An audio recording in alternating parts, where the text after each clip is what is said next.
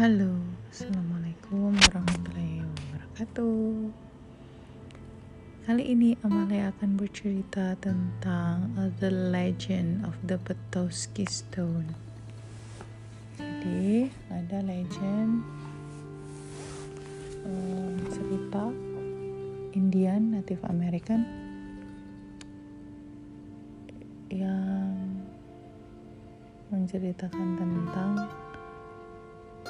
special place and unique fossil found in northern Michigan. Jadi Michigan itu ada di atasnya Amerika ya. Dia berbatasan sama Kanada. Jadi sudah dingin gitu ya. Nah, ini ada Petowski Stone namanya. Dia kayak tutupnya penyu ya. Bentuknya. Oke okay, mulai mulai ceritanya. A father and his son were walking along the beach searching for Petowski stone. They looked through rocks that had washed up near the water's edge they sifted through sand and pulled stone from the shallow of Lake Michigan. The father was watching the water roll toward shore when all of a sudden a wave splashed at his feet. It was then he spotted the wet gray stone. It was round and smooth and had a beautiful sunburst pattern on it. Tahu sunburst ya? Kayak shining gitu. As he plucked it from the sun, he asked his son, Has anyone ever told you the story about the Petoskey stone?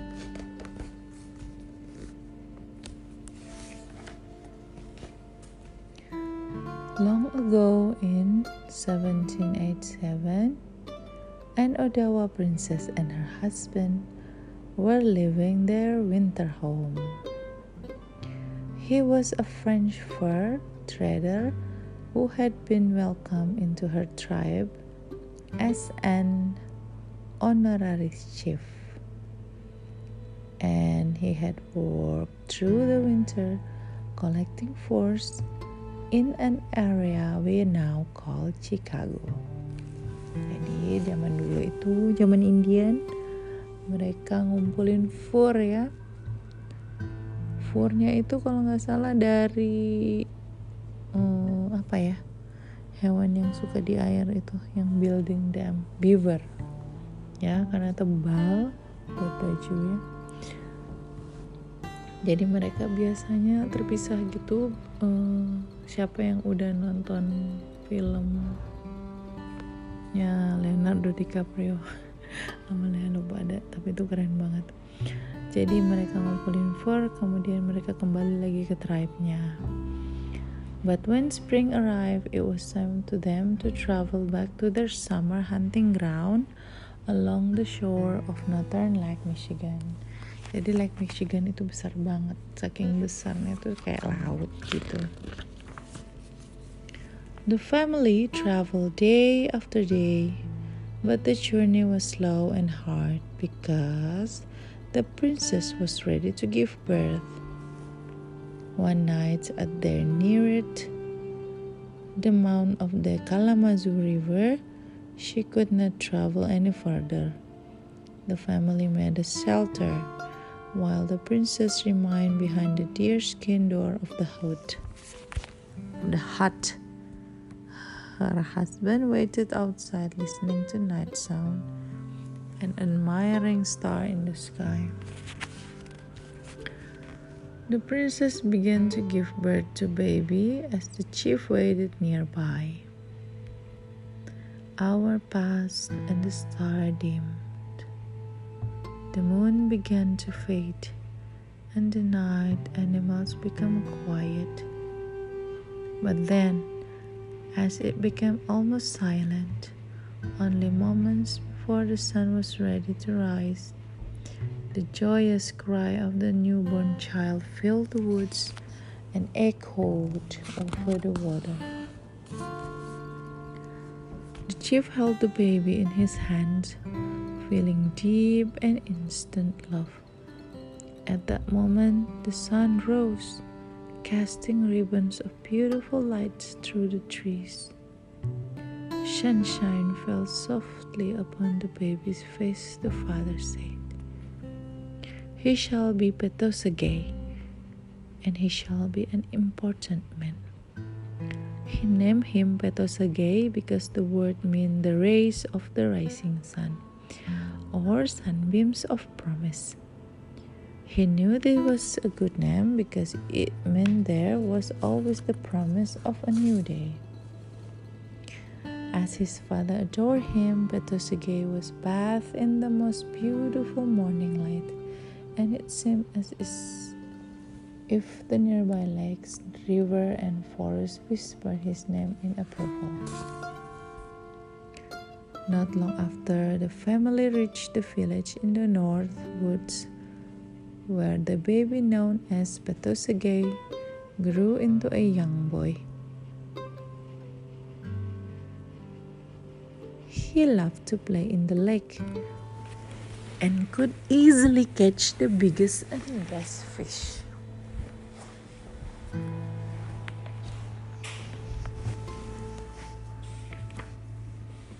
Petosagay also liked to hunt. Oh, dia suka hunt. Hunt deer ya, karena dia Indian. Dia Native American. Petosagay also like to hunt for food. He would walk quietly through the woods, and always, when he found his game, he was thankful and useful with it. And when the snow arrived, Petosagay went in search of animal for their fur furs would keep his family warm or be traded for goods. He set traps and snares in the forest and grew better at the challenge every year. As Petosagay grew to manhood, he became such a skillful hunter that one day he killed 40 bears and sold their hides for a very good price. Oh, dia jago banget bisa. Ini 40 beruang ya. Over time, Petosagay became a fur trader like his father had been. He traveled by water to Indian village, collecting furs. He piled his birch bark canoe high with belts and raised a sail made from an old blanket.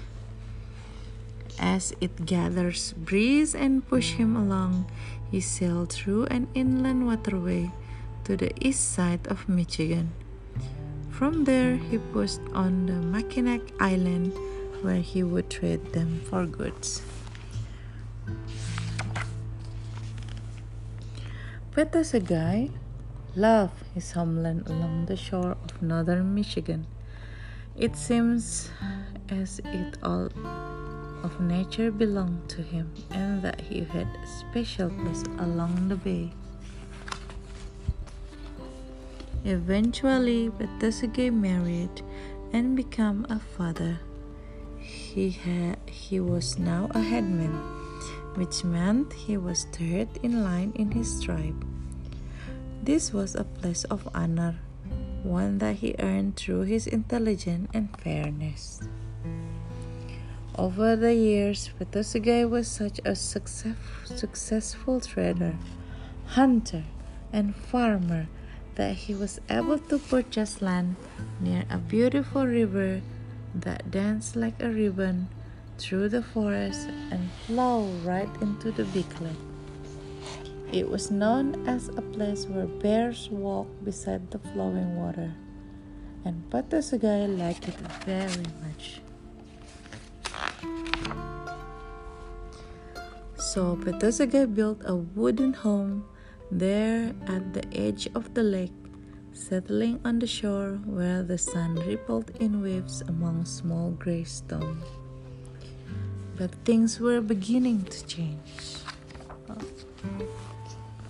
A town was beginning to grow in the area near Petoskey home. Pioneers came from the east to build homes deep in the woods. Farmers came to plow long stretches of grass into farms. Business people came to build lumber mills and stores. One man, Hiram O. Rose, came to set up a general store and other businesses. He quickly became friends with Petoskey and began to call him Chief Petoskey as a sign of respect. Because most of people knew Petoskey and liked him very much, it wasn't long before the whole town began to call him Chief as the sign of admiration. Ah, dia jadi Chief Petoskey. But the growing area needed an official name. So, one night, several people gathered to choose just the right one. It didn't take long for everyone to agree that it should be named Petoskey after Chief Petoskey. Through the woods, his father spoke the moment he was born. Chief Petoskey was becoming an important man by lending his name to the town he loved, and in return, Petoskey was loved by all. It wasn't long before people from other places wanted to visit the town named after Petoskey. Some came by steamship, whoa, while others came by train. They came to enjoy the beautiful lake and to breathe the fresh air. But they also came to walk along the shore and search for special stone that appeared to hold the rays of the rising sun inside. Because the stone seems to be found everywhere near Petoskey, they soon, they soon earned the name Petoskey Stone. The father shifted the stone from one hand to the other admiring the sunburst made so long ago. When I find a Petoskey stone, he told his son, I know that I hold the spirit of Petoskey in my hand. I carry the promise of tomorrow with. I will have one more day in the place I love best, with the person I love the most. Wow! With that, the father placed the Petoskey stone into his son's hand and whispered, That place is here, and that person is you. The little boy held the stone as tight as he could, and he looked at his father with love.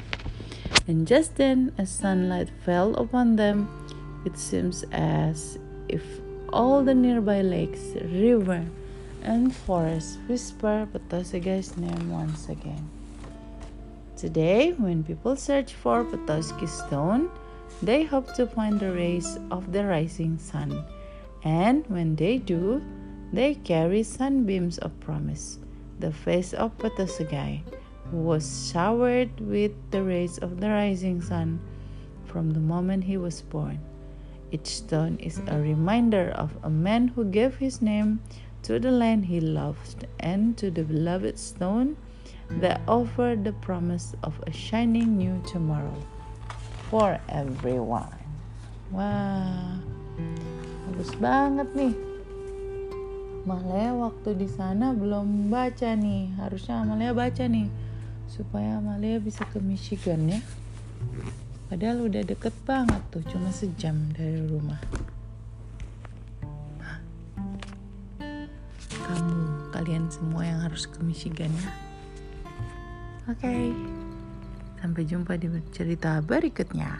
Dadah, assalamualaikum.